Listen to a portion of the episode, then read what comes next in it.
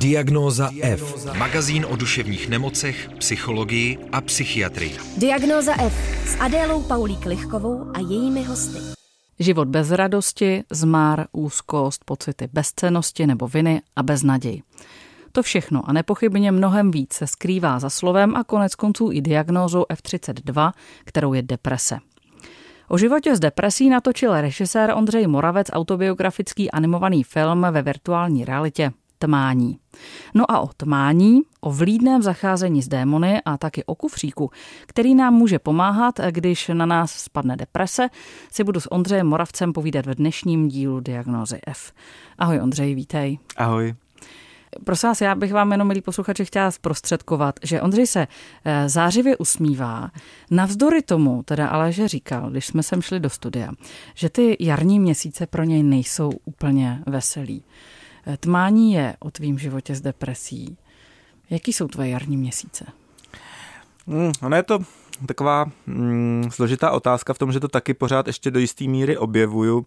Já jsem to vypozoroval mm, už jako před dlouhou dobou, že se mi paradoxně ty stavy zhoršují právě na jaře, nikoli třeba na podzim, jak to bývá relativně běžný u jakoby mm, plošné populace.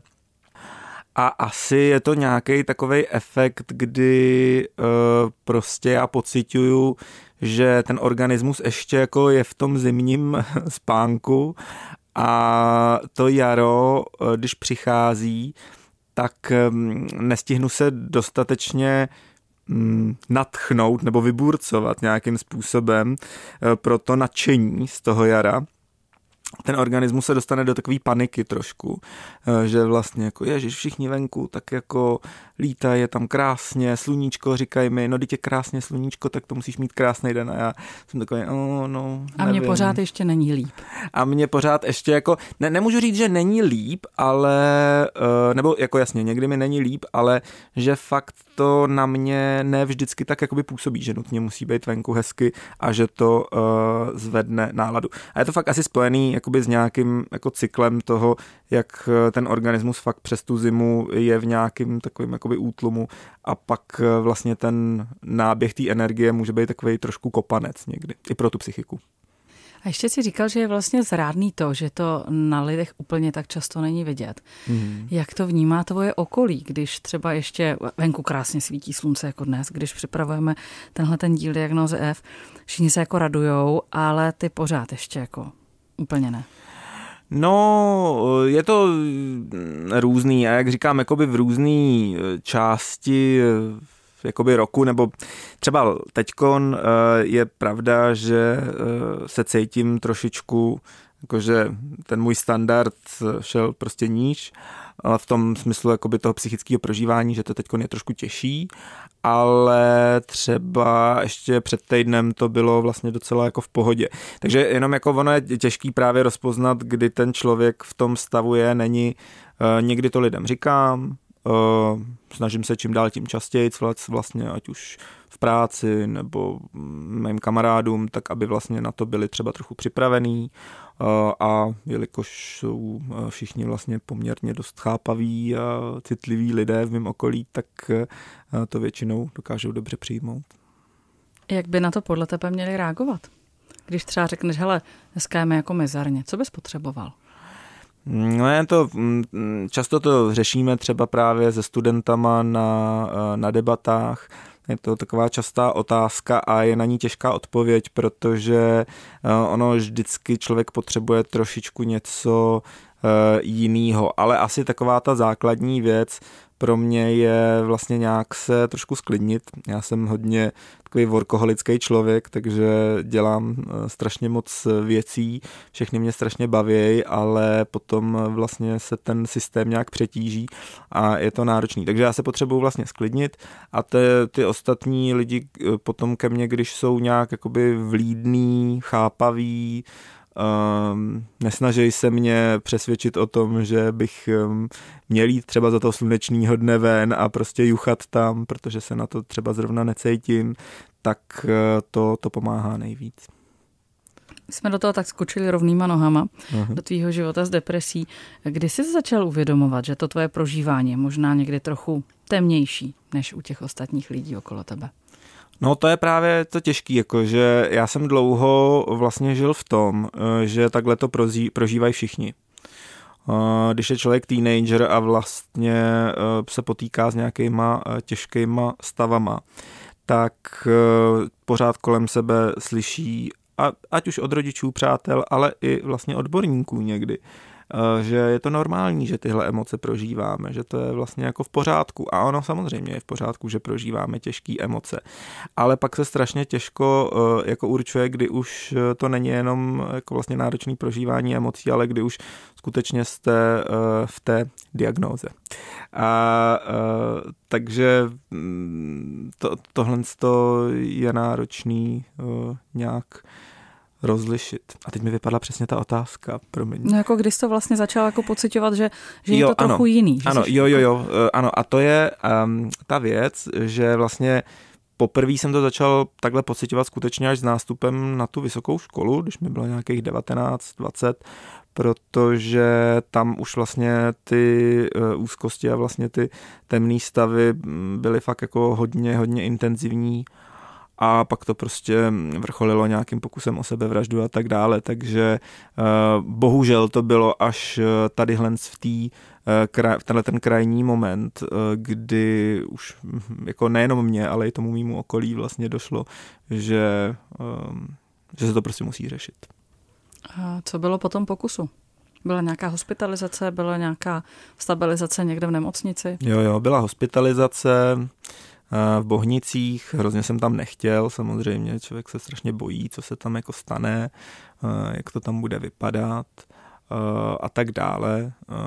Je to zkušenost, teda jako jak dlouho teď už stará, nějakých 14-15 let, co jsem tam byl, pak už jsem tam od té doby nebyl, ale pamatuju si, že tam byl takový zvláštní jakoby kontrast dvou věcí, že ty lidi, kteří tam pracovali, eh, byli strašně jako fajn a milí, byli to profesionálové a věřím, že tam jsou. Zároveň to prostředí, ve kterém jsem tam musel být, bylo, si myslím, totálně nevhodný pro lidi, kteří mají uh, nějaký psychický problém. Z toho, jak ta léčebna a ty pavilony uh, vypadají, kolik je tam lidí, uh, a tak dále. Fakt vlastně to pro mě bylo strašně tohle nepříjemný. Možná proto to byla i taková pro mě trochu motivace vlastně tam netrávit moc času, uh, takže uh, jsem tam byl vlastně jenom nějaký dva týdny a pak jsem přešel do nějaký ambulantní péče na psychiatrii. A teprve potom, teda jsi byl v kontaktu s psychiatrem, teprve potom jste hledali příčinu tady těch tvých propadů? Vlastně jo, já jsem byl asi u terapeuta jednou, možná dvakrát, myslím, že to bylo jenom jednou uh, před tím pokusem. Byl to školní, byla to školní psycholožka na Univerzitě Karlově a moc mi nepomohla. Ale bylo to asi těžký. On asi ten systém taky jako nedovoluje uh, těm školním psychologům uh, nějakým způsobem zasáhnout líp třeba. Ale vím, že to byla takový sezení, který mě nějak jakoby nemotivovalo k tomu, eh, že bych eh, měl něco víc řešit a nějak prostě se tím víc zabývat, no. Což byla škoda, no. Nicméně potom uh, si psychiatrickou pomoc vyhledal. Uh, jaký bylo vlastně, to je, taky jako téma, uh, řada lidí k tomu zaujímá řadu postojů. Jaký bylo dostat tu nálepku? Dostat tu diagnózu, když ti někdo řekl, hele, tak je to tohle. No je to zajímavé, že spoustu odborníků se vlastně mm, těma diagnózama moc nezaobírá. Že, že by vlastně v tomhle tom se cítil nějak jako onálepkovaně, jsem se ani necítil, protože jednak proto asi, že jako deprese je jako diagnóza poměrně komplikovaná v tom smyslu, jak je eh, všeobecně vnímána, protože hm, často je vnímána vlastně jako to, že uh, depku má jako každý a tak dále. Takže ona ta nálepka uh, deprese si myslím, že je v něčem asi taková trochu měk, paradoxně měkčí, jakože kdybyste měli třeba nálepku, že máte nějakou psychózu nebo tak, tak si myslím, že to je mnohem vlastně horší, protože ty nějakým způsobem hm, už jako ukazují, nebo v lidech můžou vyvolávat nějaký představy o tom, jak ten člověk žije a tak dále, který můžou být cestný. U té deprese si myslím, že je to spíš pak jakoby o tom, že nebo aspoň z mojí zkušenosti, že ty lidi se k vám začnou spíš chovat trošku obezřetněji, v tom smyslu, že to možná někdy vnímají, aby vás třeba nějak neranili. Takže já ne, nemůžu říct, že by vlastně ta nálepka mi zatím nějak škodila. Pomohly ti nějaký léky v té době? Ano, určitě. Eh, léky byly podle mě strašně důležitou částí, která mi nějak pomohla. Ale a beru je vlastně pořád. Uh, trošku bohužel říkám, protože vždycky bylo takovým mým nějakým cílem tu medikaci buď nějak prostě úplně vysadit, nebo uh, jí prostě nějak hodně zredukovat. Ale vždycky, když se to vlastně stalo, tak to mělo poměrně neblahý účinky. U mě se asi fakt jako jedná o tu vlastně endogenní depresi, která vlastně přichází bez nějakých nutných vnějších impulzů a může přicházet skutečně velice nečekaně. A proto je důležité, aby ten organismus byl tímhle s tím podpořený. Ale zároveň si myslím, a taky jste tady o tom měli, myslím, nějaký pořady, že vlastně léky jsou jako strašně důležitou součástí, aby se člověk stabilizoval ale vlastně ty problémy za vás nevyřešej. Vlastně k tomu je důležitá ta terapie a to objevování sebe samého. Léky ano, a co bylo dál? To, to, to je to, co mě jako zajímá vlastně, jako co si dál dělal, aby ti bylo líp. Já vždycky vzpomínám paní doktorku Krtičkovou, která tady byla, povídali jsme si o nějakým tom lékovým minimalismu, kde ona nasazuje těm pacientům úplně nejnižší možnou, ale účinnou dávku, aby jim to zabralo, ale aby jim nějaký příznaky zůstaly a byli motivovaní s tím něco sami dělat. Tak co děláš ty? No, eh, ze začátku to bylo docela jako složitý. Já myslím, že ze začátku jsem byl v takovém trošku eh, popíračským eh, módu, že jsem nějak vlastně se poměrně po té hospitalizaci třeba docela rychle zotavil, fakt se mi udělalo strašně jako dobře, bylo to jako fajn, začal jsem ve škole dál jako dobře fungovat a vlastně to bylo jako dobrý. Ale říkal jsem si jasně, musím prostě docházet na to. Už jsem jakoby věděl, že uh, si to musím hlídat, protože um, ten zážitek vlastně byl fakt jako strašně nepříjemný s tím letím. Uh, s tím pokusem o sebevraždu. A to jako asi pořád do nějaký míry jako dobrá prevence funguje v tomhle tom.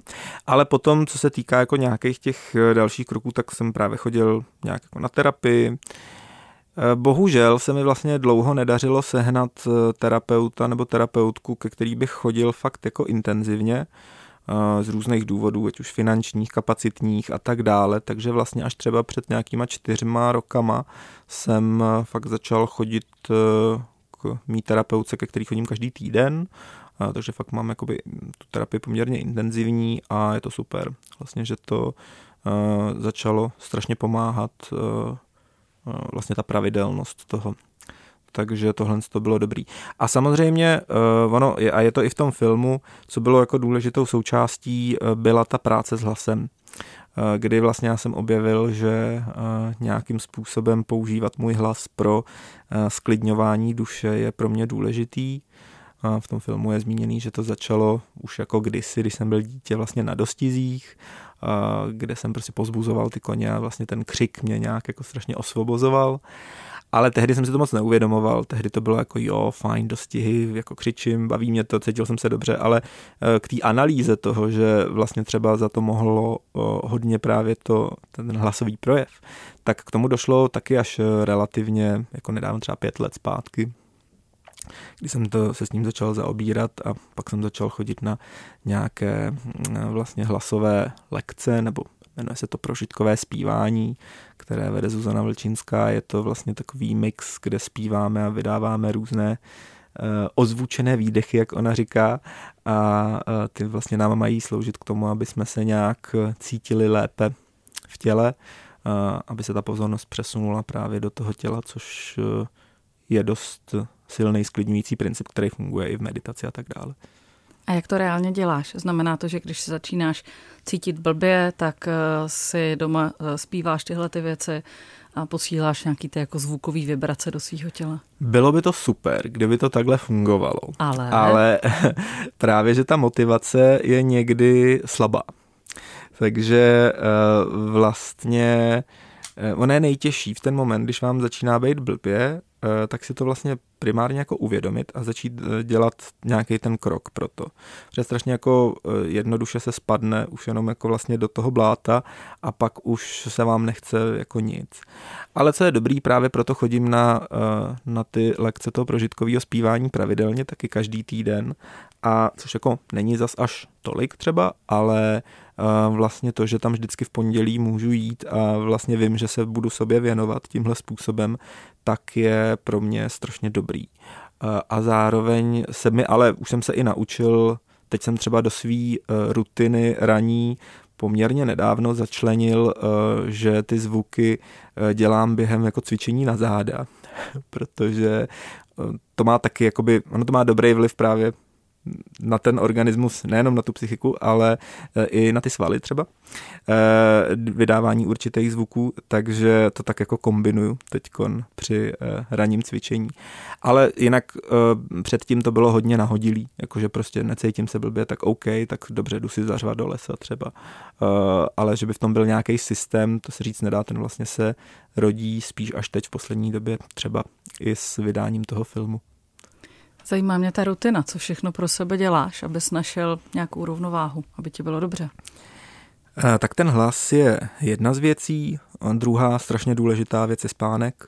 Eh, prostě já, když nespím 7-8 hodin denně, tak eh, vím, že ten další den bude těžký, obzvláště třeba v tohle období, Třeba včera jsem musel stávat ve čtyři hodiny, protože jsme jeli na filmové obhlídky do Jeseníků. Spal jsem nějakých 5-6 hodin a fakt jsem to pak během toho dne pocítil, že jsem tam vlastně měl nějaký stavy, kde mi bylo fakt nepříjemně a nějak jsem to musel zvládnout. A takže spánek je důležitý. Já jsem potom začal v době covidu s otužováním. To je strašně dobrá věc, protože ta opět nějakým způsobem přenáší pozornost z mysli na tělo a, a je strašně očistná. Bohužel v poslední době nějak zápasím s imunitou, nějaký virózy a tak dále, takže teď se otužovat moc nemůžu, což mě štve hrozně, protože vím, že to je dobrý. No a potom jsou to vlastně nějaké věci jako mm, příroda, vlastně procházky v přírodě jsou pro mě strašně jakoby léčivý nějakým způsobem třeba sport obecně je pro mě, jako já vím, že je dobrý, ale třeba Vím, že jsou nějaký stavy, kdy prostě mm, na ten sport jako nemůžu jít, protože vím, že by to došlo ještě jako k většímu vyčerpání toho organismu a že by mi to neprospělo. Takže pro mě je vlastně důležitý si uvědomit, jestli potřebuju v ten okamžik aktivitu, která je víc pasivní, nebo nějakou aktivizační. A to je vlastně vždycky docela voříšek rozlousknout, eh, která je ta vhodná. Jak vznikla myšlenka natočit o tvých depresích animovaný film ve virtuální realitě? To je několik otázek v jednom. Mnoho inspir, nebo mnoho uh, takových uh, impulzů tam bylo, protože uh, miluju animovaný film, miluju virtuální realitu a deprese je téma, kterým vlastně se dlouhodobě zabývám kvůli mýmu životu a, a vlastně přišlo mi super, když chci vstoupit na to pole jako tvůrce ve virtuální realitě, a, abych si tohle téma zvolil. A vlastně ten asi úplně primární impuls byla právě ta virtuální realita, protože se kolem ní už nějak jakoby pohybuju a chtěl jsem, vlastně já jsem předtím dělal dramaturga pro filmový festival Jeden svět. Hrozně mě to bavilo, bylo to super, ale uh, začal jsem mít hodně silnou potřebu vlastně vstoupit i na to pole uh, jako tvůrce. Mám vystudovanou famu, takže mě to pořád tak jako lákalo v tomhle tom. A ty deprese mi přišly vlastně dobrý v tom, jednak, jak jsem říkal, že to je blízký téma a potom, že věřím, že v té virtuální realitě právě tadyhle ty témata dobře fungují, protože vám umožňují nějaký takový hlubší introspekční pohled vlastně do prožívání druhého člověka. Jak se ti ten film připravoval? No, mělo to různé fáze. Myslím si, že na začátku bylo takový nadšení. Bylo třeba strašně fajn, když jsem to poprvé řekl mojí producence Haně Blaha Šilarový, že bych chtěl ten film natočit, tak ona byla hrozně nadšená a řekla, že do toho rozhodně chce jít. Tak vlastně vůbec tadyhle to jakože wow, to někoho nadchlo, že jako tohle téma a, a to, tak, tak to je super. Na začátku jsme ani nepřemýšleli, že to bude můj příběh, k tomu jsme se dopracovali postupně, ale to byl třeba jako první moment takového nějaké nadšení, schánění lidí do toho týmu, kdy jsem tím byl takhle oblažený. Pak, když jsme na to dostali uh, ty peníze, nějaký už větší potom, tak to byla taky jako samozřejmě strašně velká radost, že, že, že to teda jako jo, že se to fakt stane jsem pořád dlouho nevěřil, že se to fakt stane, že to, byl, že to, že to bude takový jenom jako nějaký můj eh, výmysl, nápad prostě. A pak, když to fakt začalo dávat tu podobu v tom studiu, když jsme to začali animovat, modelovat, programovat, tak to najednou bylo prostě vlastně neuvěřitelný. Takže se tam střídal takový úžas z toho, že se to děje. A pak tam přišly samozřejmě, eh, čeho jsem se dlouho obával, i nějaký jakoby dost temných momenty, který nebyly ani tolik, myslím, spojený s tím samotným jako tvorbou toho filmu, možná taky do nějaký míry, jakože jsem se furt do toho nořil, ono se to těžko jako analyzuje po tom, co je vlastně příčinou těch vašich eh, temných eh, stavů, ale asi v nějaký moment mi to úplně neprospívalo, tak jsme si dali takovou dvou týdenní odstávku, kde já jsem se snažil trošku nabrat síly, což bylo hrozně fajn, že to vlastně celý ten tým jako respektoval a byli v tomhle strašně laskaví Um, a toho jsem si strašně vážil, takže vlastně ta tvorba z tohohle hlediska uh, byla dobrá.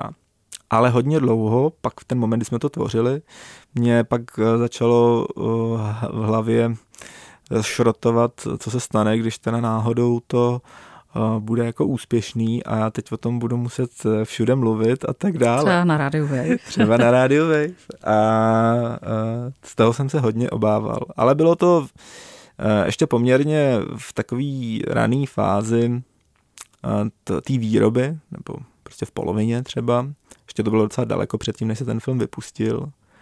Já myslím, že mě pak strašně pomohlo to, že jsem eh, našel svého životního partnera, který mě strašně pomohl vlastně se nějakým způsobem stabilizovat a nabrat strašně velkou vlastně sílu energie pro to, abych to všechno zvládl a aby to, abych se prostě cítil líp. A jakou roli ten film má ve tvojí terapii? Mm, takovou nahodilou bych řekl možná v tomhle tom smyslu, protože nikdy nebylo cílem, že by uh, ten film dělal s nějakým cílem, aby uh, Eh, pomohl mě. Eh, bylo to dělané s cílem, aby to spíš pomáhalo druhým, aby to pomáhalo lidem, kteří neví, co je deprese, aby to nějak dokázali trošku lépe vstřebat. Ale samozřejmě nějakým způsobem druhotně to fungovalo i na mě. Eh, a myslím si, že třeba ta samotná tvorba mm, třeba byla docela náročná v tom, že měli jsme tam třeba kapit, nebo máme tam kapitolu, která pojednává právě o tom pokusu o sebevraždu, která byla na začátku explicitnější, byla taková vlastně poměrně otevřená v tom, co se tam jako stalo. A mě bylo hodně vlastně nepříjemný se do toho zpátky nořit, takže tam jsme pak jako dospěli k tomu, že je, že to potřebujeme nějak zjemnit, takže teď je taková abstraktnější a myslím si, že to je jako dobře z mnoha, z mnoha důvodů. No, takže e, tohle to třeba jako byla taková ta, pokud to mělo mít nějaký sebeterapeutický účinek, tak ta těžká část. Ale vlastně ta nejlepší část je asi ta e, nakonec, který jsem se nejvíc bál a to je to mluvení o tom. Protože e, vlastně to, že se o tom můžu bavit ať už v médiích, nebo právě se studentama, nebo s divákama v galeriích, tak je v něčem strašně osvobozující. Je to strašně dobrý v tom, že se nemusíte schovávat. Já o tom vlastně mluvím jako o nějakým druhým coming outu v tomhle taky, že ten první byl ten sexuální a teď ten eh, duševní, psychický. Uh, protože uh, vlastně najednou to, co mělo strašně ostrý hrany a bolelo, vůbec to uvědomění, že máte nějaký takovýhle problém, tak teď se ty hrany tak jako zaoblujou a je to vlastně, je to fajn, to takový hladivý. Jezdíš teda s tmáním po školách? Jezdím, co nejvíc to jde. Když jsme byli v Praze, tak jsem byl skoro na všech projekcích. Teď, když jsme byli v Brně, tak už na mý, protože samozřejmě mám ještě další pracovní povinnosti, takže to bylo náročnější a teď budeme v Liberci, takže, takže jo, jezdím na ty uh, projekce a je to pro mě úžasný v tom, jak vidím, že ty mladí lidi dokážou o tomhle tématu uh, už prostě hovořit mnohem otevřeněji než já, když jsem byl v jejich věku. Možná, že kdybych tehdy šel na tmání, tak by jsem se taky asi dokázal jako otevřít, ale um, pro mě to bylo něco dost nepředstavitelného, že bych mým spolužákům uh, jakýmkoliv způsobem uh, verbalizoval to, že, uh, že mám nějaký takovýhle problém. A dneska ta mladá generace vlastně je už výrazně tomhle tom napřed a dokáže sdílet svoje pocity, svoje nějaký i intimní věci z jejich života. Je vidět, že to je pro ně těžký někdy, ale uh, zároveň je i u spoustě těch tříd vidět, že o tom vlastně vědí, že o tom ten člověk nemluví poprvé uh, a že jsou vlastně nějakou oporou pro něj. A to, to, bylo pro mě, to bylo pro mě jako strašně silný vidět. A protože jsem, to si nezažíval. Protože to jsem nezažíval. Nemůžu říct, že to je u každé třídy samozřejmě, že jsou pak i třídy, kde přijdu a je tam hrobový ticho, protože prostě uh, je to, ta konstelace je taková, že, uh, že je tam třeba víc introvertů nebo tak dále, nebo se stydějí ty lidi. A samozřejmě nebo je těžký tak. o těch věcech právě v tomhle kolektivu mluvit? Třeba, protože jsou to, protože ta třída třeba nějak nefunguje, uh, což se prostě stát může. Ale my jsme třeba byli jako třída kompaktní na uh, střední škole, já jsem chodil na víceletý gymnázium, takže mi základka střední škola splývá a, a je škoda, že jsem vlastně o tom nedokázal mluvit líp. No. Co bys tenkrát potřeboval jinak? No, ne, takový složitý, no, asi bych trochu potřeboval, aby mě někteří spolužáci tak trošku nešikanovali, což se tam dělo, bohužel. To je velmi kulantně řečeno, eh, trošku. E, e, protože oni to tak asi nevnímali, to je, já jim to vlastně jako nevyčítám, ale um, protože oni si to dělali všichni tak nějak tam navzájem, jo, takový uh, roš, rošťárny prostě a asi jim jenom jako nedocházelo, že mm, mě to prostě bolí hodně a že oni jsou třeba v tomhle odolnější a že, že je to to. Samozřejmě jako pak nějakým pár to docházelo a nějakým způsobem to dokázali aplikovat, ale některý byli prostě jako se nechovali úplně nejlíp, no. A tak to by bylo fajn, ale e, jinak si myslím, že no a samozřejmě asi pak by bylo dobrý v té škole obecně, kdyby se třeba tady ty témata otvíraly.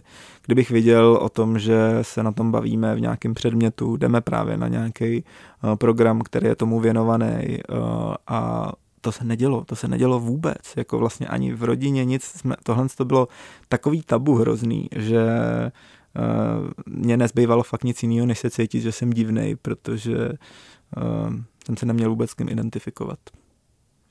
Zároveň ale ty si v jednom rozhovoru někdy říkal, že někdy je fakt těžký eh, rozpoznat eh, příznaky deprese od eh, symptomů puberty.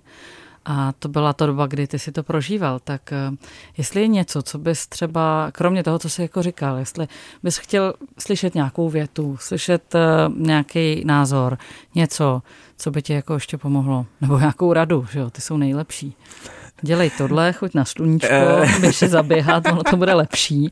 A hlavně Přesně. si to tolik neber.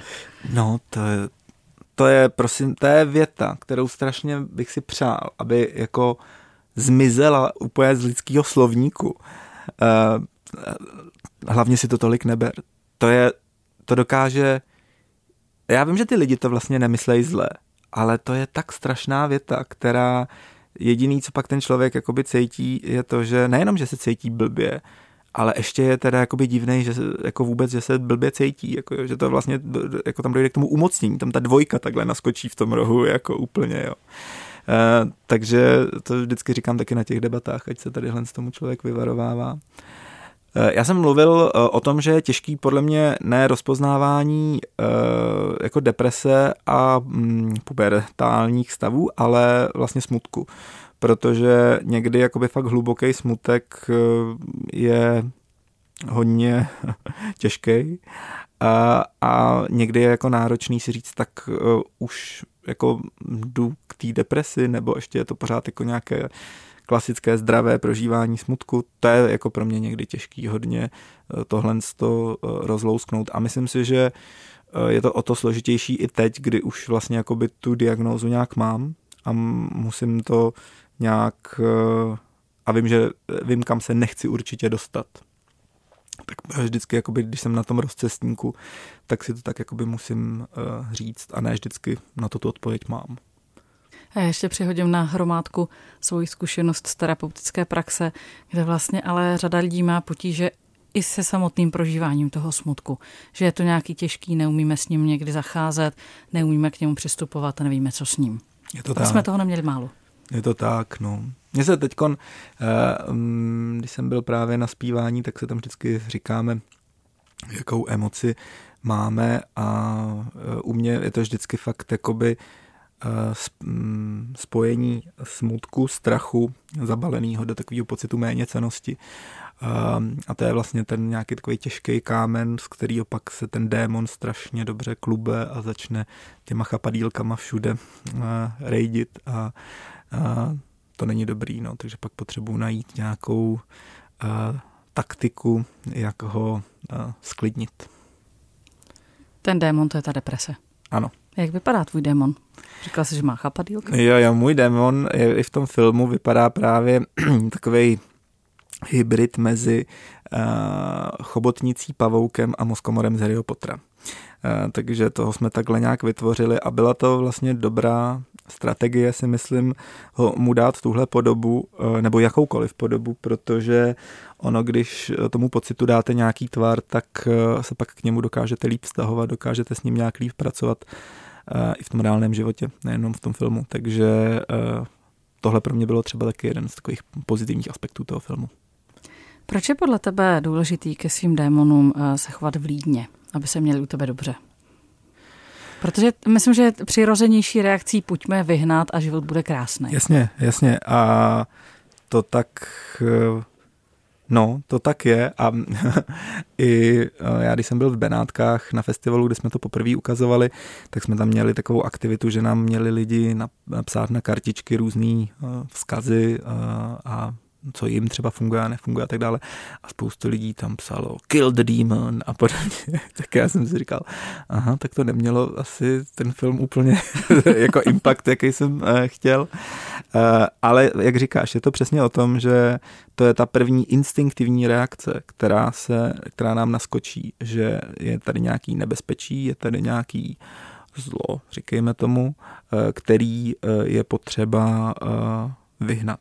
Ale ono, i když se podíváte právě třeba do pohádek, eh, jak se tam s tím eh, zlem pracuje samozřejmě, spoustu, ve spoustě z nich je ten narrativ toho, že eh, prostě to zlo se nějak jako vyžene a tak dále, ale často se tam zapojí nějaká právě pozitivní emoce, nějaká láska třeba, kterou to zlo najednou nedokáže absorbovat, protože bylo připravený na ten boj, ono vlastně s váma chtělo bojovat a doufalo, že vás pak porazí.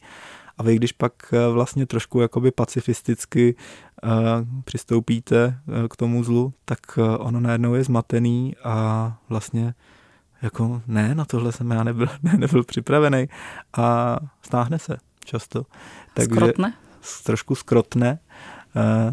Takže já věřím, že tohle je dobrá strategie, ale je strašně těžký uh, se to v ten moment uvědomit, že člověk nemá uh, dělat jako takový to běž pryč, fuj, jako nechci tě tady, uh, ale uh, že musí udělat ten krok uh, vlastně to, OK, tak seš tady, no tak co budeme spolu dělat teď? Co spolu děláte? Různé věci, no. Většinou tak jako ležíme, a tak nějak on uh, lítá nade mnou a já se snažím, to je nej, nej, nejtěžší vždycky, mm, i během té terapie, když jsem to konzultoval s mojí terapeutkou, tak ona říkala, nejlepší strategie je, abyste ho jakoby vnímal, toho démona, že tam je, ale nevěnoval mu moc té pozornosti. A to je přesně na tom to nejtěžší, protože vy, když ho budete mu věnovat moc té pozornosti, tak se jim posednete tím démonem a on vás fakt jako strašně vtáhne. Když ho budete ignorovat, tak on bude trucovitý a bude taky jakoby mm, prostě vám dělat neplechu. Ale když ho tak jako ukolíbáte nějakou lehkou pozorností a, a nebudete ho zahánět, tak on se trošičku jako vyřádí, nějakou jako tu uh, blbou práci odvede, ale pak odejde. Takže je jako důležitý taky přijmout to, že vlastně neprojde teď tou fází, nebo že neprojdu tou fází uh, bez ztráty kytičky, když to tak řeknu, ale třeba já jsem teď fakt nedám, pár dní zpátky jsem fakt měl takový nepříjemný stav, že to na mě jako šlo a já už jsem si říkal, já už potřebuju vlastně, aby přišla taková ta vlna toho, kdy jako se hrozně jakoby vybrečím a nějak to jakoby odejde, kdy uh, jako udělá tu uh, vlastně to, za čím tam přišel ten démon. A nakonec se to stalo a pak se mi jako hodně, uh, hodně ulevilo, takže vždycky je to jako čekání na ten moment, kdy si to dovolím nějak jako vypustit a kdy dojde k tomu právě spojení s tím démonem, který je těžký, ale léčivý. Jeden terapeut, se kterým jsem se potkala ve, v životě, tak říkal, že je dobré se naučit naše démony adekvátně venčit. Nemůžeme se tvářit, že tam nejsou a nemůžeme prostě je pustit jen tak, ale naučit se s nimi nějak jako zacházet. Přesně tak, tak, to je. tak jsem ráda, že to vlastně říkáš a že to slyším i od tebe. Uh, jak blízko má deprese ke smrti? No, eh, myslím si, že dost blízko, protože a z různých úhlů pohledu protože deprese je stav, kdy vlastně chcete zemřít. Často. Je to vlastně jeden z takových, já právě eh, jako pokud někdy váhám nad tím, jestli jenom neprožívám nějaký smutek eh, versus to, jestli jsem v depresi, tak právě ta vidina úniku ve smrti je to, co mě eh, vždycky jakoby uzemní v tom, že když vím, že přicházejí myšlenky na to, že by bylo nejlepší to skončit, tak vím, že jsem, jsem v tom prostě. Že tyhle ty myšlenky mm, eh, nemají přicházet. Uh, což je jako hrozný, ale zároveň uh, vlastně jsem rád za to, že už vím, když to jakoby přijde, že, že to je prostě, že to je fakt jakoby ono a musím si jako strašně dávat pozor a musím to strašně intenzivně řešit. Jsou to ty, jsou to ty nejtěžší momenty, vlastně tyhle, když to, když to přijde a vlastně jsem ale pak strašně rád, vždycky, když eh, tam ta pojistka, nebo co to je, vlastně jako zafunguje, protože že si to uvědomím, protože spoustu lidí si to prostě neuvědomí a dostane se do té do té moci, té temnoty a, a už tohle to jako nevidí a vidí to jenom jako jediný přirozený a, a nutný řešení a to je smutný. Ondřej, co ti pomáhá uvěřit tomu, že bude líp v takových chvílích? Kromě toho, že ti to občas může někdo připomenout. To je hodně těžký, no. Uh, ale stala se mi v poslední době jedna zajímavá věc. A vůbec jako nevím, jak se to stalo. ale uh, já jsem jel, já nevím, kdy to bylo, tak třeba někdy v listop, někdy na podzim loňského roku jsem jel tramvají a říkal jsem si, úplně si pamatuju přesně to místo, byla to úplně normální jízda tramvají, nevím kam už ani, ale jel jsem kolem Helichovky a já jsem si tak jako vnitřně řekl, hele, já už se strašně dlouho cítím dobře. Mně je vlastně fakt už jako skoro rok, nebo necelý rok, vlastně jsem fakt ten závan té deprese neměl. Bylo to v době těsně po vydání uh, toho filmu. A říkal jsem si, to je, to je tak skvělý pocit.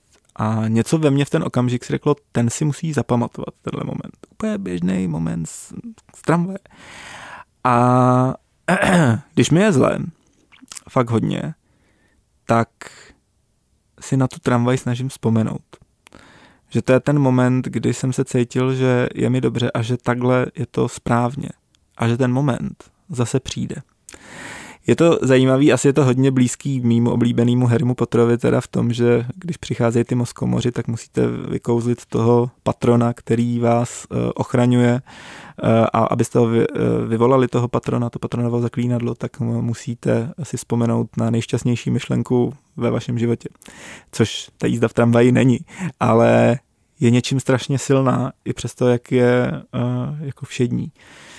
Tak to je taková jediná věc, která jakoby mi uh, nějak jako pomůže. A vždycky jsem říkal, vždycky to říkám mým kamarádům, mám několik kamarádů, kteří jsou věřící, že jim vlastně strašně závidím to, že se v těch těžkých momentech můžou obracet k něčemu, nějaký entitě, která tam pro ně je pořád. Že já to tak nemám. Ale nějakým způsobem za poslední dobu se už jakoby pocituju, že nějaký pocit vděčnosti třeba, který je strašně jako abstraktní, jako já jako nevěřící, k čemu já cítím vděčnost, jako jo. Takže ji jako pocituju.